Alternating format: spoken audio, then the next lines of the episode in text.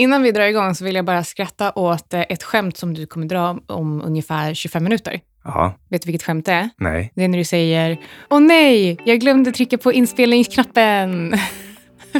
Det här blir säkert jättebra på andra tagningen.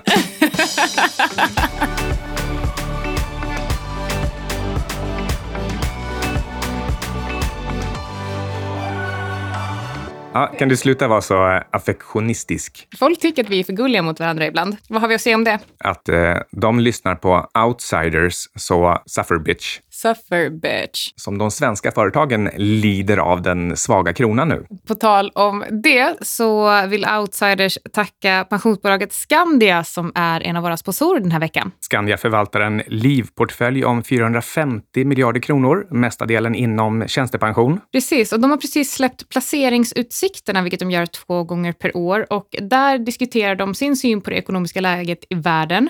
Och höstens tema är sällsynt svag krona, hög avkastning men ökad risk. Vilket jag, föga förvånande, tycker är extremt intressant med tanke på mina senaste uttalanden om svensk penningpolitik. Artiklarna i placeringsutsikterna de är skrivna av Skandias kapitalförvaltning och marknadssynen bygger på den långsiktiga synen i Skandias livportfölj. Jajamän, och vi har träffat eh, Johan Lundqvist som är eh, Skandias makroekonom och så här lät det då. Johan, ni skriver i placeringsutsikterna att den svaga kronan innebär dubbla risker för placerarna. Hur menar ni då? Men svenska kronan har ju försvagats under ganska lång tid nu och det har fortsatt även här under 2018. Eh, och den här kronförsvagningen den har ju fungerat som doping för avkastningen i våra portföljer, framförallt då i våra utländska innehav. Eh, men det gäller också att komma ihåg att om kronan nu skulle vända kurs och den skulle börja stärkas framöver så kommer det ju tvärtom att tynga avkastningen.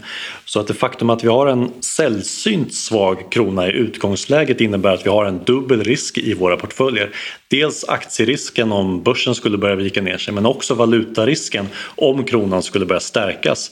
Och ett sätt om man vill minska portföljens känslighet mot en starkare krona det är att fokusera på, på Stockholmsbörsen. Ni hittar placeringsutsikterna på www.skandia.se. Okej, att vara eller inte vara. Redan Shakespeare funderade på det här med what is och what if-analyser. Så redan de gamla grekerna. Men han är inte en gammal grek. Okej. Men Nej, jag förstår att för millennials så kanske han framstår som en gammal grek. Ändå jag fick till det där. Okej, Eh. vad, vad är what is med S? Jo, eh, lite bakgrundsstory först. Jag eh, pratar ofta om att man ska göra analyser som är baserade på what is och inte what if. Och eh, då fick jag höra att ja, fast alla prognoser är ju chansningar till en viss grad. Man bara, jo, jo, fine, det säger jag också. Men du, kan inte göra, du måste göra en prognos på datapunkter och variabler som faktiskt finns idag och inte på påhittade sådana eller förhoppningar. Så att göra en analys baserad på what is är att kartlägga en situation med så många datapunkter som möjligt. Till exempel titta på försäljningstillväxten, vinst, utdelning, kassaflöde, sjunkande eller stigande marginaler och i vilken takt. Eh, gör sedan en omvärldsanalys, kolla på konkurrens, gör en branschanalys och sådär. Och det, det du behöver få fram för alla variabler är variabelns värde, variabelns förändring och variabelns förändringstakt. Så när du gör den här typen av kartläggning, då gör du en analys baserad på what is. Alltså varför, eller hur ser situationen ut idag? Och eh, jag vill också tillägga att what is är olika för olika personer och olika perspektiv. För det kan ju till exempel vara så att jag är en person som eh, eventuellt tycker att ja, men de här datapunkterna tycker jag är viktigast att titta på, så gör jag en analys baserat på det. Medan någon annan, till exempel Micke, tycker att ja, men det är bara viktigt att se så att de aldrig har sänkt utdelningen, för att det visar på att det är en, eh, ett starkt bolag. Eh, och, och jag kanske tittar på helt andra saker. Jag kanske tittar på försäljningstillväxt eller, eller något annat. Så, så what is är olika saker för olika personer. Så att det var någon som sa att om, om man bara utgick från what is så skulle alla prognoser och alla analyser bli exakt samma. Men det är inte heller sant, för då är du past level. Du är inte ens first eller second level, du är past level om du tror det. Ja, det, är väldigt eh, mycket ja, eh, first eller past level att, eh, att tro att alla ser alla situationer på samma sätt. Det är ganska självklart, eller jag trodde, jag trodde alla visste att, att man uppfattar verkligheten helt olika. Och sen vill jag också bara understryka att återigen då, som så här, själva nyckelordet i det här what is som kontrast till what if är att kartlägga. Du ska kartlägga de variabler som du faktiskt vet finns och sen som du säger då att man tittar på olika saker. Många som har hållit på ganska länge med analys och investeringar, de glider iväg från att först så tittar man på till exempel själva grundvariabeln som vinst. Men i slutändan så hamnar nästan alla borta på andra derivatan. Det, det har vi pratat om tidigare. Ja, precis. Det låter lite konstigt, men det är inte särskilt konstigt. Det är bara förändringen av förändringstakten. Så till exempel om, eh, om vinsten stiger i sjunkande takt. Ja, vi skulle, kunna, vi skulle kunna ta H&M som exempel där, som tidigare har haft en eh, tillväxttakt på, vad kan det vara, typ 10 procent och eh, nu eh, steg försäljningen senast med 4 procent. Jämför 4 procent med 10 procent, då har du en negativ andra derivat, eller hur? Ja, så det är alltså att vinstförändringen faller. Precis. Det betyder att, det där, att, att den faller, det är negativ andra derivata. Det behöver inte betyda att försäljningen i sig sjunker. Nej. Nej, exakt. Så, eh, och vad är skillnaden då på what is och what if? Och gör du en what if-analys, då kartlägger du inte situationen, du bortser från fakta. Du kan till exempel säga saker som att ja, marginalen sjunker, men om de lyckas ändra på det, då kanske vinsten kan stiga, eventuellt. Om, om det här och det här, om helvetet fryser till is och grisar flyger och så vidare. But what if? You guys, what if this map could lead to One-Eyed Willie's rich stuff? Skillnaden mot att bara liksom hoppas eller hitta på att någonting ska ändras mot det här som vi pratade om nyss. Det skulle vara till exempel att man, man säger att ja, men om andra derivatan är positiv, så även om, även om vinsten faller nu, och det kanske till och med är så att det inte bara är att vinsten faller, utan eh, vin, vinsten, alltså strunt samma, men, men, men, men, men, om andra derivatan pekar på att längre fram så kommer, kommer vinsten stiga. Precis. Och inte bara stiga, utan stiga i ökande takt. Mm. Så den kan vara negativ nu, men med en positiv andra derivata så kan det tala för att någon gång i framtiden så kommer vinsten stiga i ökande takt. Och, och det är inte att bara hitta på what if-vinsten börjar accelerera? Nej, det är att säga att om dagens läge med en positiv andra derivata, om den består, det vill säga det är en what is-analys, Exakt, då gör... kommer vi ha en väldigt positiv och, och stigande eh, vinstökning i framtiden. Precis, och det är det som är skillnaden. Det är klart att alla prognoser, jag skulle inte vilja säga att prognoser är chansningar, för du måste skilja på en prognos och en chansning. En prognos är en prognos, en prognos är ett estimat. En chansning är något som du har tagit ur luften, som du inte har några belägg belägg för. Och det är också det som är grejen med en what if-analys. Alltså att man hoppas på förändring som egentligen inte finns i sikte och argumenterar bara med att jag är långsiktig. Och eh, på lång sikt kan allt hända i multiversum. Och jag såg faktiskt eh, en, eh, en förvaltare prata om varför de var långa H&M. Och då sa de, och jag citerar, jag tror att man måste blicka bort från dagens brus. Vi tror absolut att på riktigt lång sikt så skulle det här kunna vara en, en bra investering. Inte en enda datapunkt. Ingenting om att eh, det här och det här och det här har hittills förändrats. Det här skulle kunna ses som, eh, som en positiv datapunkt som eh, i sin tur leder till att det här och det här sker. Ingenting. Utan jag tror att vi måste se bort från what is och så hoppas vi lite på att det kanske vänder om vi bara är långsiktiga nog. Och eh, Mark Spitznagel brukar säga att eh, eh, de flesta långsiktiga positioner egentligen beror på att man har gjort en dålig analys. Jag tycker det är ett av mina favoritcitat och vi har tagit det flera gånger i den här podden. Men jag tycker att det stämmer så himla bra, himla bra in. Så att en what is-analys, då kartlägger du situationer och sen så gör du en prognos baserat på de datapunkter som faktiskt existerar, som vi faktiskt vet om. Och en what if-analys, då säger du bara att, då kan du till, till exempel säga så här, ja men aktier aktiekursen har gått ner, så jag tror att det kanske vänder snart. Det är, liksom, det är den enda, det är bara en förhoppningsanalys, eller inte ens en, en analys. Jag borde egentligen äta lite ödmjukhetspaj offentligt när det gäller just de här sakerna, för att jag har en historik av att verkligen investera utifrån what if snarare än what is. Och jag trodde också väldigt länge att min uppgift var att göra just prognoser om saker som, som var oväntade eller som andra inte förstod. Jag trodde på något sätt att att det kanske var definitionen av second level. Vilken tur att du träffade mig just så att jag kan lära dig allt jag kan om investeringar. Jajamensan. shining, shimmering.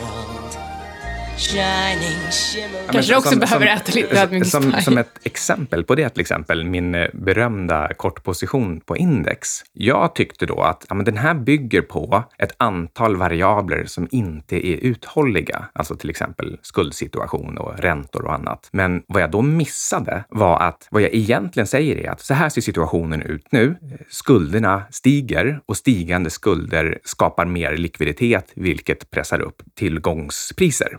Och så gör jag egentligen då en what if-investering där jag säger att det här kommer ändras. Jaha, men varför? Vad har jag för belägg för att det kommer ändras? Och, och när? Det, jag hade ju inget, utan vad jag egentligen sa var att skulderna stiger. Okej, en, en what is-analys skulle ju då kanske peka på att ja, det, det fortsätter de väl göra och det är bra för, för aktier. Nu tänker jag på att, ehm, att det, det du gör är att du har tagit en, ehm, en lite, lite för stor hedge hedgeposition. Eh, om, man tänker på, om man tittar till exempel på eh, Taleb, eh, Spitznagel och Marx pratar ju också om att man ska positionera sig för olika utfall och inte bara det som är mest sannolikt. Men då pratar de ju ofta om att, eh, vad, vad kallas det? Tail hedging. Ja, just det. Den här eh, lilla risken som finns någonstans ute i sannolikhetsfördelningen att det kommer gå snett. En svart svan dyker upp vid horisonten. Någonting man egentligen inte är beredd på och inte räknar med och då kan det få en oproportionerligt stor negativ konsekvens. Och eh, det är som att köpa brandförsäkring. Du, du köper brandförsäkringen, men du vill ju egentligen inte att den ska utlösas. Men din brandförsäkring, då, då satt du och hela tiden hoppades på att lägenheten skulle brinna ner. Ja, jag köpte tio brandförsäkringar på samma hus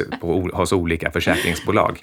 Exakt. Så, eh, så, den där, så den där hedgen gick ju, gick ju semi. Men ehm, så om what if och what is är att eh, det handlar om att försöka hitta sanningen och göra en prognos om, som är baserad på så mycket datapunkter som möjligt. Och det är också det som är grejen. Det är det som är skillnaden på att göra en prognos och att chansa. En prognos är baserad på på datapunkter som faktiskt finns. Och ju mer vi vet om verkligheten, desto mer kan vi eh, egentligen ha någon form av riktlinje eller prognos för eller vad som kommer hända i framtiden. Men det är precis som att försöka vara en, en läkare utan att ha gått någon läkarutbildning. Hur fan ska du veta vilken sjukdom någon lider av? Ska du bara chansa då? Eller ja, du nyser så du är nog förkyld, men egentligen så har de lungcancer. Eller fattar du vad jag menar? Nej. Nej.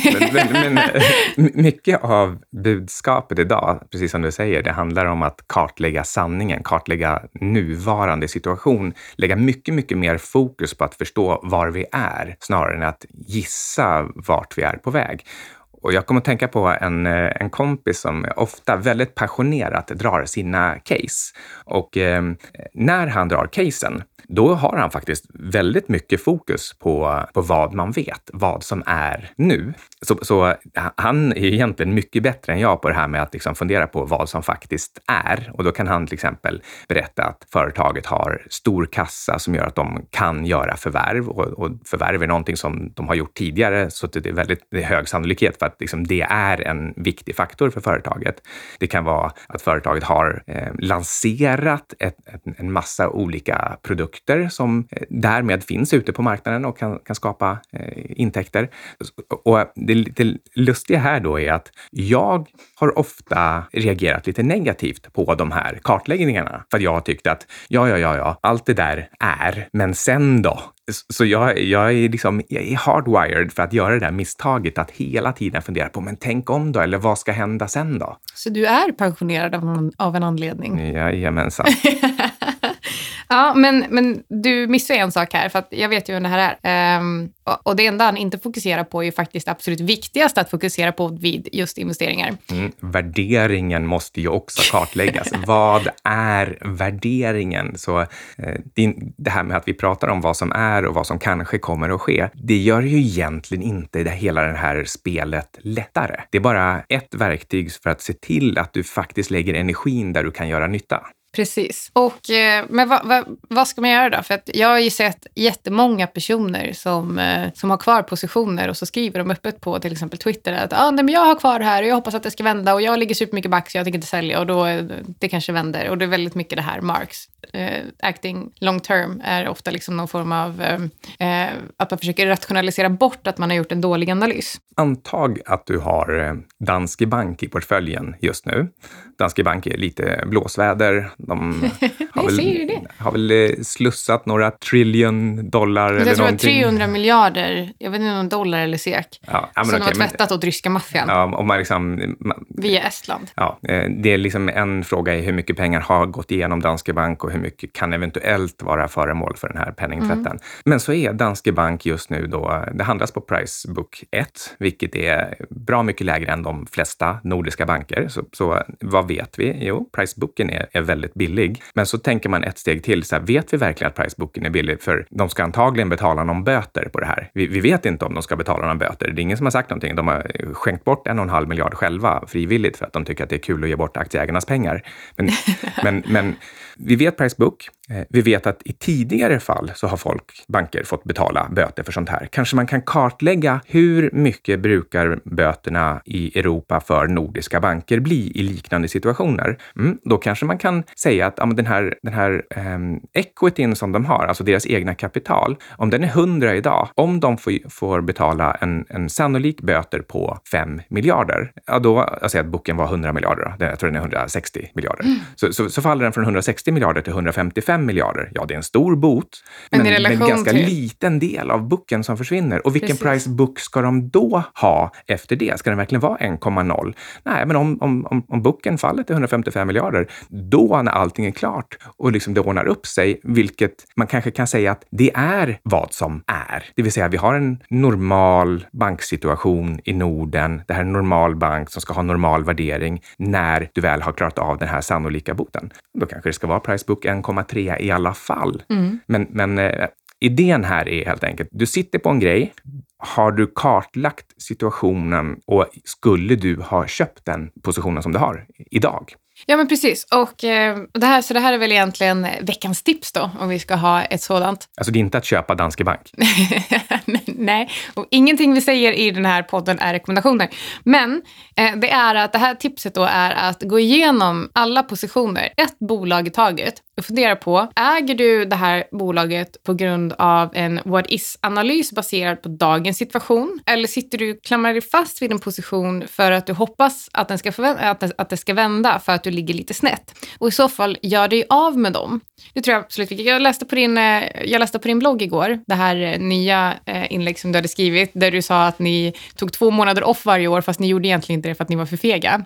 Det borde egentligen alla, alla, alla småsparare eller alla privatsparare, borde i alla fall ta kanske en vecka eller en dag per år, där man bara säljer alla positioner och sen så gör man om analysen. Och sen så vill man fortfarande äga den, äga det här bolaget, ja men då går man in igen. Och vill man inte det, ja men då har man ju blivit, då har man ju blivit av med det. Så har man frigjort kapital för att investera i något annat som kanske är bättre för, för ditt kapital helt enkelt. Om man tycker att det där låter för dyrt med courtage och spread och vad det Ja, nu men kan tänk vara. då vad dyrt det kan bli i längden om du sitter i en position bara för att du hoppas att det ska vända och så gör det inte det. Jag tycker verkligen det. Men eh, kanske kan man liksom, jag vet inte. Man Men jag vet kan, ju att det är jättemånga som bara, fast det står ju att jag är upp 200 procent på den här positionen, eller det står ju... men man kanske kan lura sig själv på något sätt att man har tagit en paus. Jag tror inte det. Jag tror att det är liksom Åka på en psykologiskt. silent retreat i sju dagar. Ja. Ja, nej, jag, jag vet. Alltså, jag tycker verkligen att liksom, om, om det nu kostar 1 procent i roundtrip per år att göra såna här saker, så är det verkligen värt det. Men du vet ju hur hela den här diskussionen går kring Gav. avgifter. Ja, gav och avgifter. Ja, och, och liksom om, Det är det om, enda som är viktigt om här. man, om man ska handla fonder på att avgifterna är 0,2 eller 0,7 procent, då, då vill man ju definitivt inte göra en sån här, liksom,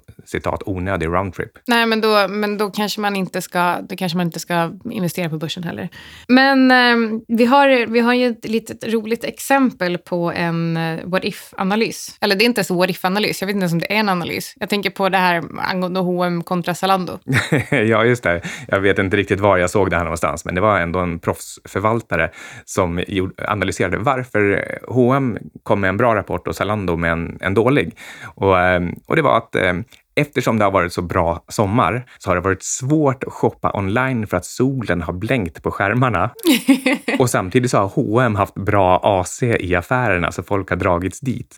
Okej, om, om det, alltså jag hoppas att det egentligen var sagt med glimten i ögat, men om det inte var det, då måste det här väl ändå vara en, en, ett väldigt tydligt exempel på att det här är en situation som inte fortsätter. Liksom att själva, det som är, det är att det finns en grundläggande trend där H&M har svårt med online och, och Zalando är duktiga på online. Eh, och att det är en sommar med stark sol som skulle orsaka det här.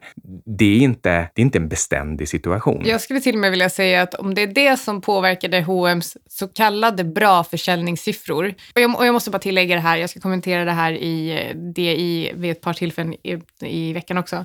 Att eh, man pratar om H&M's fantastiska försäljningssiffror som var en eh, tillväxt på 4% när de har ett eget mål om 10 till 15 och så pratar man om att Åh, det här är så bra, för analytikerna hade bara räknat med 1,9 procent. Nej, det här är jättedåligt fortfarande. Och det är inte alls säkert att det är en förändring. Och jag tror att samma kvartal förra året så var det också en tillväxt om 4 procent.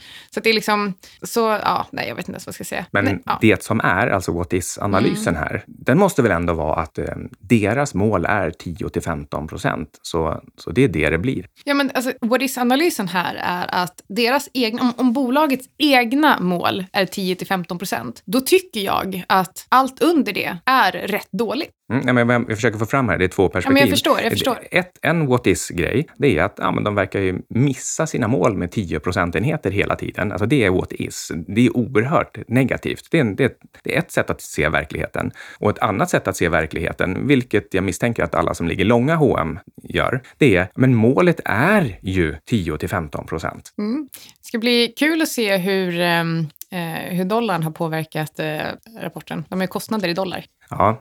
Ja, nej men, och alla blir så himla eh, förvånade när det kommer till valutaeffekter. Och vi ska runda av nu, på tal om valutaeffekter. just det. Vi har Fontobel som sponsor. Varför det, Anna? För att eh, Fontobel gör det lätt och effektivt att ta kortsiktiga positioner baserat på sin marknadstro. Om man till exempel vill handla på Brexit så kan man göra det med Fontobels eh, brittiska pund US dollar mini futures. Eller så kan man köpa deras eurosec eller US dollar sec mini futures beroende på vilket förtroende man har för Riksbankens arbete. Och eh, det har vi väl sådär mycket förtroende för kanske. Handelskrig är också ett ganska populärt tema hos eh, dig och mig. Och eh, där har Fontobel mini futures på euro US dollar om man ser ett läge att gå in kortsiktigt där. Men hur bra valuta mini futures du än väljer hos Fontobel, så tänk på att alla investeringar innebär risk. Du kan förlora hela eller delar av ditt kapital. Ja, och ingenting som vi har sagt i det här programmet ska ses som en rekommendation att köpa eller sälja några som helst finansiella instrument. Men tack Fontobel! Att inte säga någonting om att vi eventuellt skulle läsa upp den här trevliga recensionen som vi fick på iTunes. Eh, det kan vi göra. Vi, eh, och, fler, och fler recensioner, tack. Det gör oss mycket, mycket glada. Men här har vi fått en, eh, en review av Otursbörsen som säger de kompletterar varandra bra. Jag gillar blandningen med seriösa åsikter och analyser, författares upp, uppfattningar belysta med konkreta exempel eller egna upplevelser, varvat med en gnutta humor. Ganska mycket humor skulle jag säga. Bland det bästa också hur de kan totalsåga en aktie och därför korta den och berätta det direkt och inte bara prata om att något är dåligt. Det blir genuint och transparent. Och i så fall kan jag väl fortsätta disclaimer att ja, jag är fortsatt kort H&M för att nej, jag tycker inte att ett kvartal räcker och ja, jag är beredd på att det här faktiskt potentiellt ändå skulle kunna vara någon form av vändning så att ja, jag är beredd på att jag absolut kan bränna mig. Men baserat på what is så vill jag fortfarande inte släppa den positionen. Men ingenting vi har sagt i uh, Outsiders är någon form av uh, rekommendation, eller hur? Nej, Nej. det är någonting med att investeringar kan gå upp och ner i värde. Och att eh, investeringar förknippade med risk så gör ordentliga analyser baserade på vad som är och inte vad du hoppas ska vara. Men tänk om H&M går upp då? Ja, ja. ja men jag, jag brukar ju säga att jag ser fram emot den dagen jag ska gå lång H&M. Kursen stiger, det är det som är. Mm, exakt. Men på vilket, eh, på vilket perspektiv? Tittar du på en månads sikt eller tittar du på tre års sikt? Alltså, den, är, den är upp från 120 till 140 plus någonting. Det är det, som, det, är det jag ser i, i min portfölj. Okej, men tack för den här Du veckan. har lyssnat på Outsiders med Siding och Svan. Hej då. Hej då.